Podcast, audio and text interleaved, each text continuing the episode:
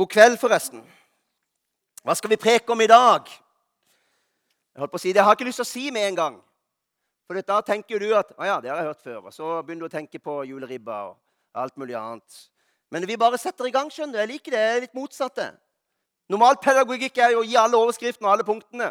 Men du får ikke det med en gang, for du skjønner ganske fort hvor vi skal. Og så gjør det kanskje til at du må konsentrere deg litt og følge litt med. Hvor skal vi nå, Wilhelmsen? Du vet, Jeg har vært i militæret. Og det er ikke fordi at jeg egentlig var en, sånn, en veldig forkjemper av militæret. egentlig. For jeg, jeg, jeg, var egentlig militærnekter, trodde jeg, hele mitt liv.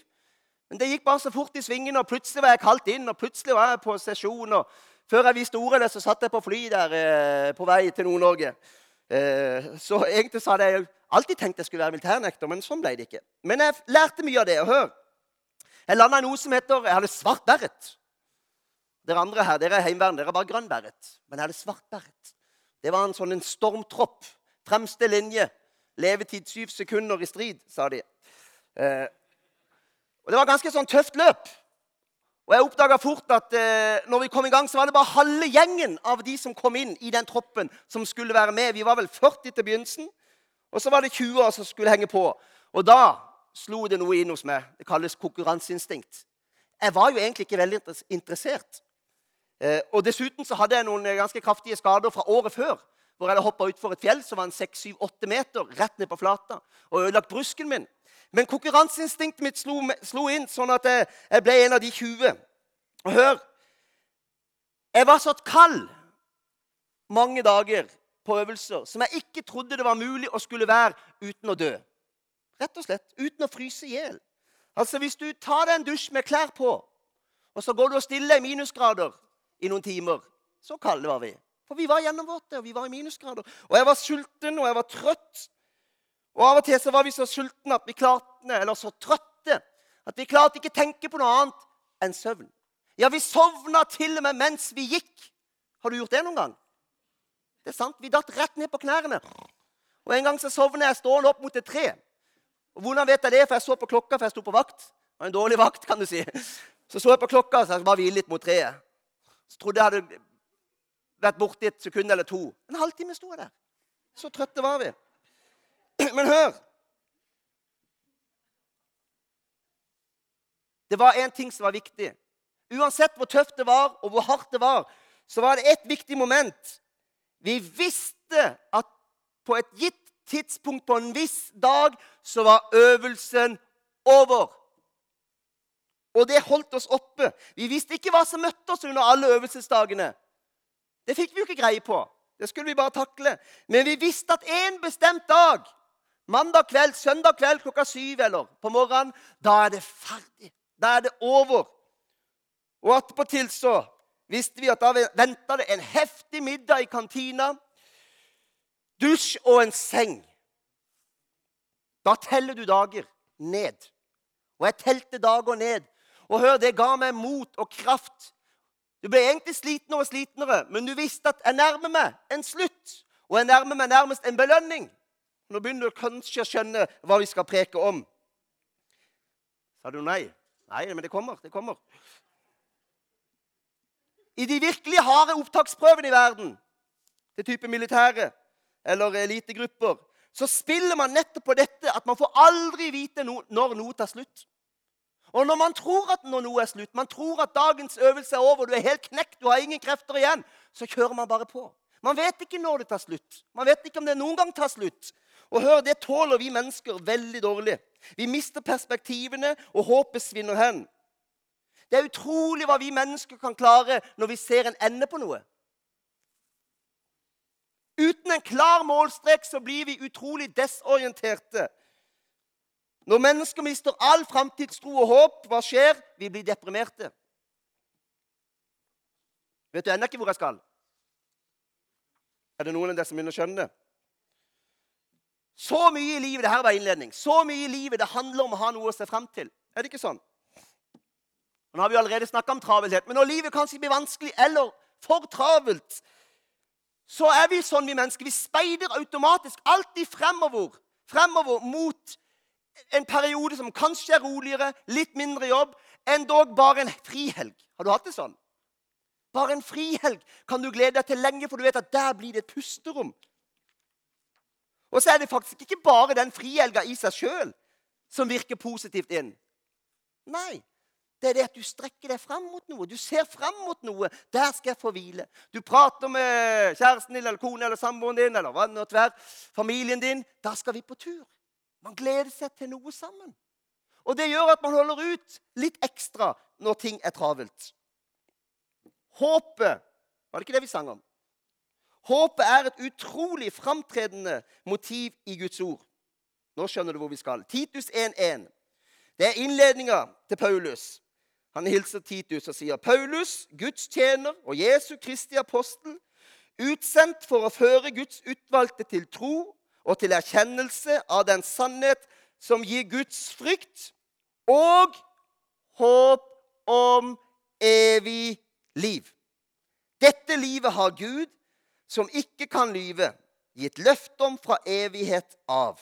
Hør, jeg gleder meg til jul, og jeg gleder meg til eh, ski og hyttetur i påska. Selv om det er Ove sin hytte. Den får vi låne. Og jeg gleder meg til sommerferie med vogna på Fjone. Det gjør du òg. Men hør, det er noe jeg gleder meg til langt over alt det her. Vet du hva det er? Jeg gleder meg til himmelen. Ja. Og Håkon, du er yngre enn meg, og du gleder deg allerede. Og, hør, da, og, og, og, si det i dag, vet du. Det er noen som tror at ja, men, uff, Det høres ut som du er gammel og mett av dager. 43 år og begynner å glede seg til himmelen. Er mitt liv så trasig? Er det så vanskelig? Har jeg så få gleder at jeg må begynne å glede meg til himmelen? Nei, mitt liv er ganske godt. Jeg syns jeg har et godt liv. Og det er mye jeg gleder meg til i dette livet. Men mest av alt Allerede nå i en alder av 43 så gleder jeg meg aller mest til å komme hjem og møte min mester og herre. Se ham under fire øyne, få omfavne han. Eller han omfavner vel meg, tenker jeg. Det gleder jeg meg til. Jeg ser fram til den dagen han kommer og henter oss. Er ikke, vi er ikke kommet dit at vi har glemt det at Jesus kommer igjen en dag. Vi vet det. Han kommer igjen en dag og henter oss, sin brud, som han elsker, som han har gitt sitt liv for. Og jeg har lovt Kirsten Vatne at da skal vi sammen, hånd i hånd, foreta oppfarten. Er det greit? Går det greit, Miriam? Og så har jeg tenkt hvordan skal jeg løse den. Det kan bli galt for Miriam. Det, det er liksom dumt å bli såra allerede på veien opp. Så du, du kan holde i den andre hånda, Miriam. Så kan ungene henge på der igjen. Og jeg tenker, Vi, vi blir vel hengende som på en snor etter Kirsten. Loddrett familien Wilhelms nedover. For hun jo, skal jo så raskt inn. vet du. Hun fyker forbi alt som er, og gleder seg hele sitt liv til å komme til himmelen. Hun kan ikke komme fort nok fram. Hør! Himmellengsel! Hvor ofte hører du om det? Det skal ikke føre til resignasjon eller livsfjernhet eller ansvarsløshet eller latskap men tvert motsatt. Det skal gi kraft til hva da? Til oppdraget vårt, nummer én. Det skal gi kraft til å stå i kallet, til å stå i prøvelsen, til å stå i kampene. For du vet at det har en ende, det vi står i i dag. Det har en ende. Det skal ikke være evig. Og så venter det en belønning i evigheten. Paulus, ja, kan det gi andre utslag, da? en sånn himmellengsel. Ja, det kan faktisk det. Det høres rart ut. Men Paulus kjempa mot dette. At enkelte de slutta til og med å jobbe, de slutta å produsere noe som helst. De ble ansvarsløse fordi de tenkte at nå kommer Jesus igjen hvert øyeblikk. Da må Paulus gå inn og korrigere dem og si at den som ikke vil jobbe, skal ikke ete, sier han. Så vi skal leve som om hver dag var den siste. Men vi skal likevel ikke slippe alt vi har i hendene. For vi har fått mye å ivareta. Men hør, en, en himmellengsel som fører til Hva skal jeg si at vi bare er på. Det er det Jesus sier. Matteus 5,11. Ja, salig er dere når de for min skyld håner og forfølger dere, lyver på dere og snakker ondt om dere på alle vis. Det var salig, hæ? Det var sterkt. Gled og fry dere, for stor er den lønn dere har i himmelen. Jesus gjør akkurat det samme. Han sier akkurat det samme. Ok, Det er tøft nå. Det kommer mye hardt mot dere. Det blir prøvelser. Men det kommer også en slutt, og det kommer en lønn. Og Det er derfor Paulus igjen snakker om denne idrettsmannen. Det er en målstrek. Vi skal løpe som en idrettsmann. Vet dere ikke at på stadion deltar alle i løpet, men bare én får seiersprisen? Løp da slik at dere vinner den. Alle som deltar i kampene, må nekte seg alt. De gjør det for å vinne en seierskrans som visner. Vi for å vinne en som aldri visner. Jeg løper derfor ikke uten å ha et mål. Det kommer en målstrek. Er ikke det bra? Det er kjempebra. Hvor alt slit, strev, sorg, smerte, lidelse, forfølgelse, som kanskje ikke vi opplever mest, men det er høyt aktuelt for mange i verden i dag, skal ta slutt når vi er hjemme. Det er litt av en motivasjonsfaktor for å holde ut dette livet. Og det er ikke unaturlig at vi merker denne dimensjonen enda sterkere i den tredje verden, hvor de lider enda mer nød, og hvor de reelt forfølges. Der er det en stor himmellengsel. Det har mange av dere møtt på når dere har vært der ute. Du vet, hele åpenbaringsboka ja, Alt er åpenbaring. Nå tenkte du at det var alt, men altså, det er det òg. Men de bakerste boka, åpenbaringsbok, det er en sånn en trøst- og håpsbok. Og Det er ikke tilfeldig at den kommer langt bak, holdt jeg på å si, for den ble skrevet ganske seint. Den ble skrevet nettopp i tider av forfølgelse. Stemmer det, Vidar? Den ble skrevet i tider av forfølgelse. Og da måtte Gud, holdt jeg på å si, tale til sine forfattere og si at nå må du trøste mitt folk med at hold ut. Det kommer noe bedre på andre sida. Det er jeg glad for. Johannes' åpenbaring 21,4 sier han skal tørke bort hver tåre fra deres øyne, og døden skal ikke være mer. Heller ikke sorg eller skrik eller smerte. Himmelen venter, belønning venter. Kan lengte etter himmelen uten å være veldig gammel og syk. Du kan lengte etter himmelen selv om du har det godt i dette livet. For du fornemmer at det allikevel er av en helt annen karakter enn uansett hvor godt du kunne få det i dette livet. Det, altså, det bare, dette livet er bare et skyggebilde av hva som venter oss der oppe. Og jeg må si Når man er i bønna en del, bønn og tilbedelse, så, så er det som om av og til så slår på en måte disse bildene fra himmelen slår nesten ned i meg og blir veldig konkrete. Men veldig ofte så er vi så travle, og vi har så mye å gjøre, og vi har så mange vi skal vinne, og vi har menighet vi skal bygge, og alt vi skal stå i, at det er ikke alltid vi får tid til å dvele ved himmelen, tenke på himmelen. Jeg tror det er viktig å gjøre. Vi gleder oss jo. Du vet, Når du skal på lengre ferietur Nå er, nå er dere frolendinger, og da tenker jeg lengre enn Fjone med campingvogna. Måtte bare si det. Men når du skal på en lang ferietur, så kan reisen både være kjedelig, strabasiøs, og det kan være lang. Det har alle opplevd. Og kanskje du må legge deg inn på en enkel hytte langs veien et sted. Det har jeg måttet gjort. Og det, det, er klart at Når du da legger deg inn, eller et billig eh, motell det er klart, Da henger du deg ikke veldig opp i at det verken er svømmebasseng ved den hytta eller andre fasiliteter som du egentlig ønsker. Hvorfor gjør du ikke det? Fordi du vet jo at det er bare et mellomstopp. Du er bare på gjennomreise. Du skal til noe mye bedre. Og der er alt det som du har bestilt og drømmer om. og som du har gleda deg til. Så du tåler et stopp. Hvis ikke du heter Elisabeth Rød eh, Gundersen. For hun vasker jo ned hele hytta før hun eh, tar inn i den når vi er på tur.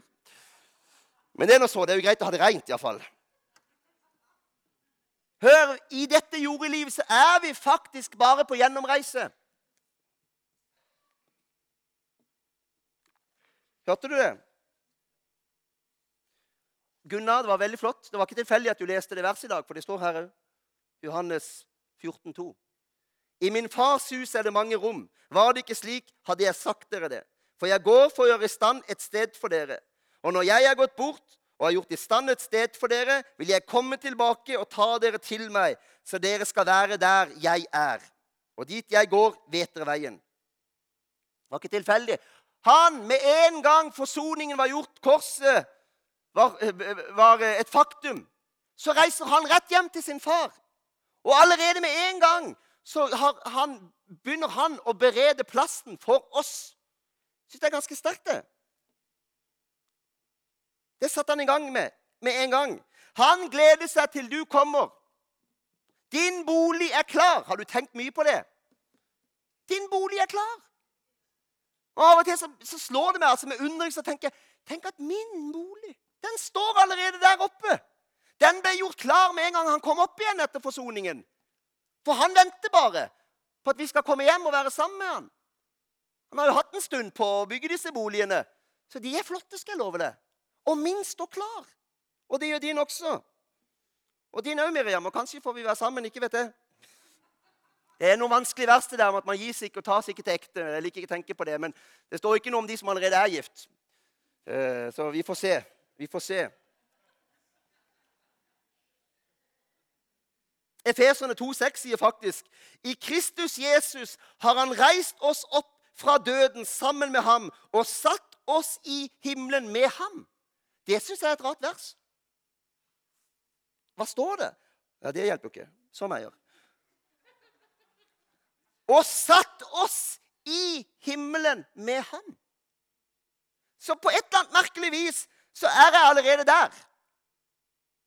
Samtidig som jeg er her. Hvordan henger det sammen? Jeg tror det kanskje ikke er så vanskelig. Fordi at vi er forent med ham, Kristus. Og han er jo der. Og vi er i han, så vi er faktisk også der via og gjennom han. Så vi er allerede der oppe på et vis. For Kristus er der oppe samtidig som vi er her. Det er ganske sterkt. Det er derfor det står at evigheten er lagt ned i alle menneskers hjerte. står det. Fordi at det kommer fra evigheten. Det kommer fra himmelen.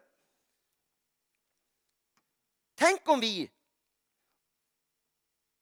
Jeg har så lyst til at du skal få på en måte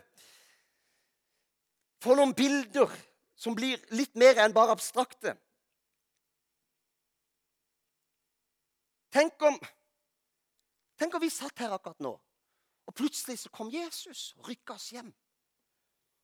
Og Så kikker vi oss rundt, og så skjønner vi En dag skal det være sånn. Så skjønner vi Oi, hva skjedde nå? Det er en virkelighet. Så er du der oppe, og du kikker deg rundt. Og alt er overveldende nydelig. Lufta har aldri vært klarere. Fargen har aldri vært flottere. En dag så skjer det.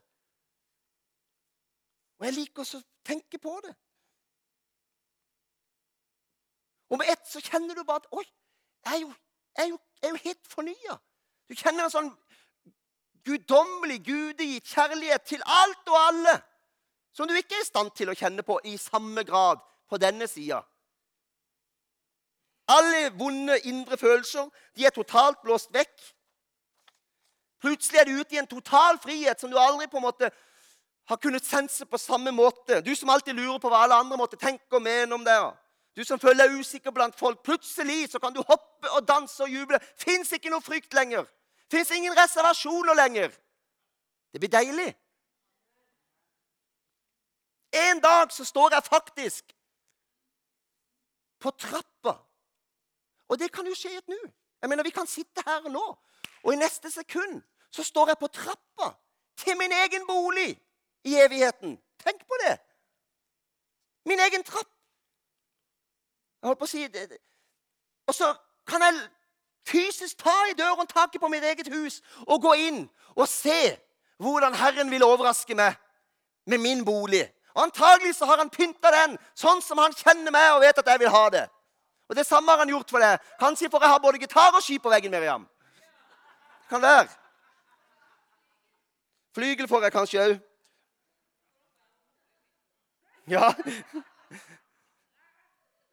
Altså, Den dagen skal vi måtte klype oss i armen.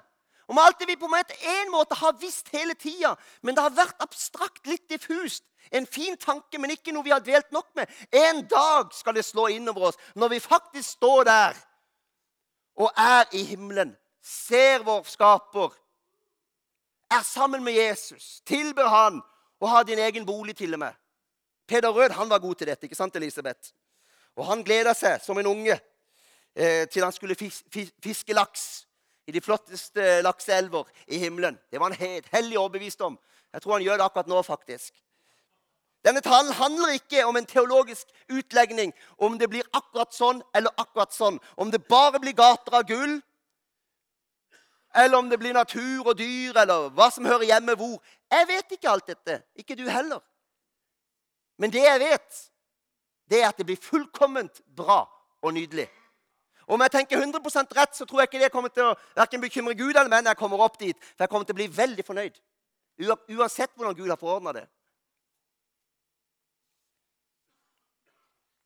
Du må la himmelen få lov å bli litt levende for deg av og til. Hvorfor det? For det gjør noe med hvordan du betrakter livet her nede.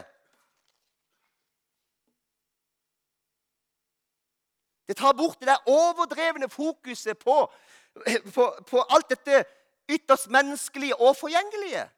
Som om det skulle være liksom alfa og omega, at alle drømmene våre går i oppfyllelse i dette jordelivet. Som om ingenting ondt skulle ramme oss, eller ingen prøvelse skulle ramme oss i dette livet. Jeg holdt på å si Kanskje kan det bli litt sånn når vi vet at vi bare er på gjennomreise. Faktisk bare et mikrosekund i forhold til evigheten. Tenk på det. Vi lever bare et mikrosekund i forhold til evigheten. Men vi lever av og til som om dette var det eneste vi kjente til, og som det skulle være det viktigste av alt. Nei, det er ikke det. Det fins en evighet der oppe som er lang og god og langt viktigere. Og Det gjør noe med oss å ha disse perspektivene. Da trenger ikke du å gå i kjelleren fordi om du ikke skjønner alt. Du trenger ikke gå i kjelleren fordi om ikke alt lar seg til rette for deg. Det er ingen krise. Vi er bare på gjennomreise. Kanskje vi kan senke skuldrene litt? Det gjør ikke noe om ikke vi fikk råd til det kjøkkenet. Jeg vet ikke hvem det skulle være til. Men uansett Det er ikke noe krise! Vi er bare på gjennomreise. Denne her talen skal jeg ha gående hjemme på playback. Gang på gang. Jeg bare tøyser med dem. Ja, men Dette her er en kjempeviktig dimensjon. Rikdom og karriere, anerkjennelse her nede blir ikke altoppslukende når du har et klart himmelhåp. Det fins noe som er viktigere. Det skal ikke gjøre deg livsfjern, det skal ikke ta fra deg alle ambisjoner. Det er ikke det jeg sier, uansvarlig eller lat. Nei, tvert om. Det vil gjøre at du vil bruke tiden din rett. Og du vil få med så mange som mulig som det viktigste. Paulus han fikk skue inn Var det den syvende himmel? Tredje. Så det ikke noe syv? Tar feil? Jeg blander litt. Det er T-programmet, det. Paulus fikk skue inn Syvende himmel den, Det har jeg ikke sett. Paulus fikk skue inn i den tredje himmel. Ja, du kan få det ferdig. Det er greit. Jeg må gå hjem og se hvilket program det er. Det forandrer han for resten av livet. vet dere det? Det at han bare fikk lov, det privilegiet som få mennesker har hatt, å fysisk se inn. Han visste hva som ventet han, og det gjorde at han holdt ut farer, nød, forfølgelse og slag, kulde, sult, baksnakkelse. For han visste hva som ventet han. Det var et målstrek i hans liv. Han sier i Romerne 8,22.: Vi vet at alt som er skapt, stønner og lider som i fødselsveer, helt til denne dag. Og ikke bare det, men også vi som har fått Ånden, den første frukt av den kommende høst. Vi sukker med oss selv og lengter etter den dag da vårt legeme blir fridd ut, og vi blir Guds barn helt og fullt. For i håpet er vi frelst. Vi lengter etter den dag da vårt legeme blir fridd ut. Han ville egentlig hjem med en gang. Det leser det, har dere lest om. For det var så overveldende, det han fikk se der oppe, at det var ikke mye på jorda som frista lenger. Men han ble, holdt jeg på å si, for sine brødres skyld og for oppdragets skyld. Men egentlig vil han bare hjem. Noen har dødd. Det har vi sett eh, filmer og, og lest vitnesbyrd av. Og de har møtt og skimta inn i himmelen. Noen kommer nærmest skuffa tilbake til jordelivet. Fordi det er så overveldende. For ingenting kan måle seg med den skjønnhet og den salighet og den fred og den lykke som fins der oppe. Og det gjør noe med disse menneskene som har opplevd det. Jeg tror de ser på sitt liv og tenker hva var det jeg sleit så fryktelig? Hva var det jeg prøvde å oppnå? Hvorfor var disse tingene så alfa og omega viktige for meg? Jeg var på gjennomreise. Og du er òg på gjennomreise.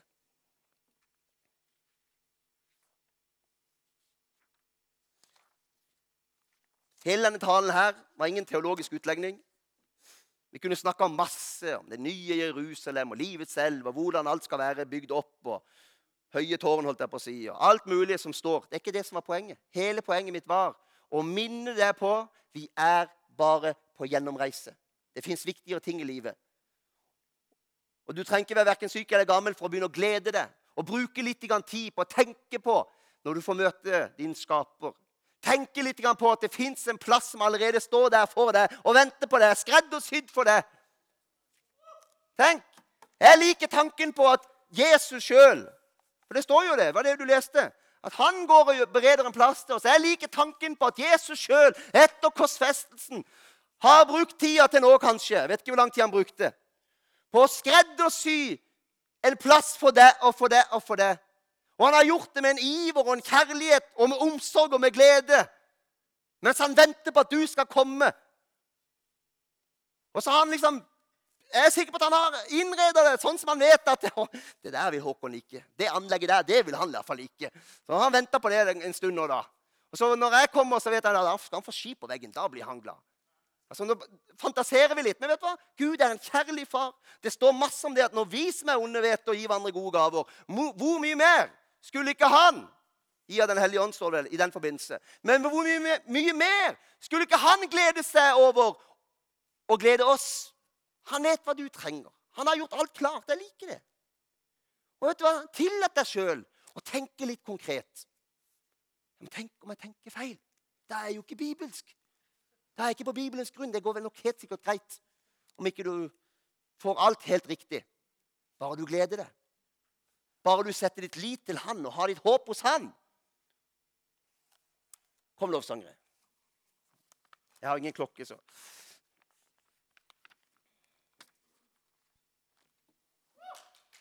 det, Takk, Håkon. Det er trøst, og det er håp i at vi er på gjennomreise. Himmelen venter oss. Jeg er klar allerede. Han kunne komme i morgen for min del. Kunne kommet i morgen for min del, Men jeg tror vi har en del å vinne. Og vi har litt å gjøre, så vi får holde ut. Men jeg er klar. Jeg gleder meg. Nå reiser vi oss opp, dere, så tilber vi Jesus. Så la tillat himmelen og, og forbli bli levende for deg.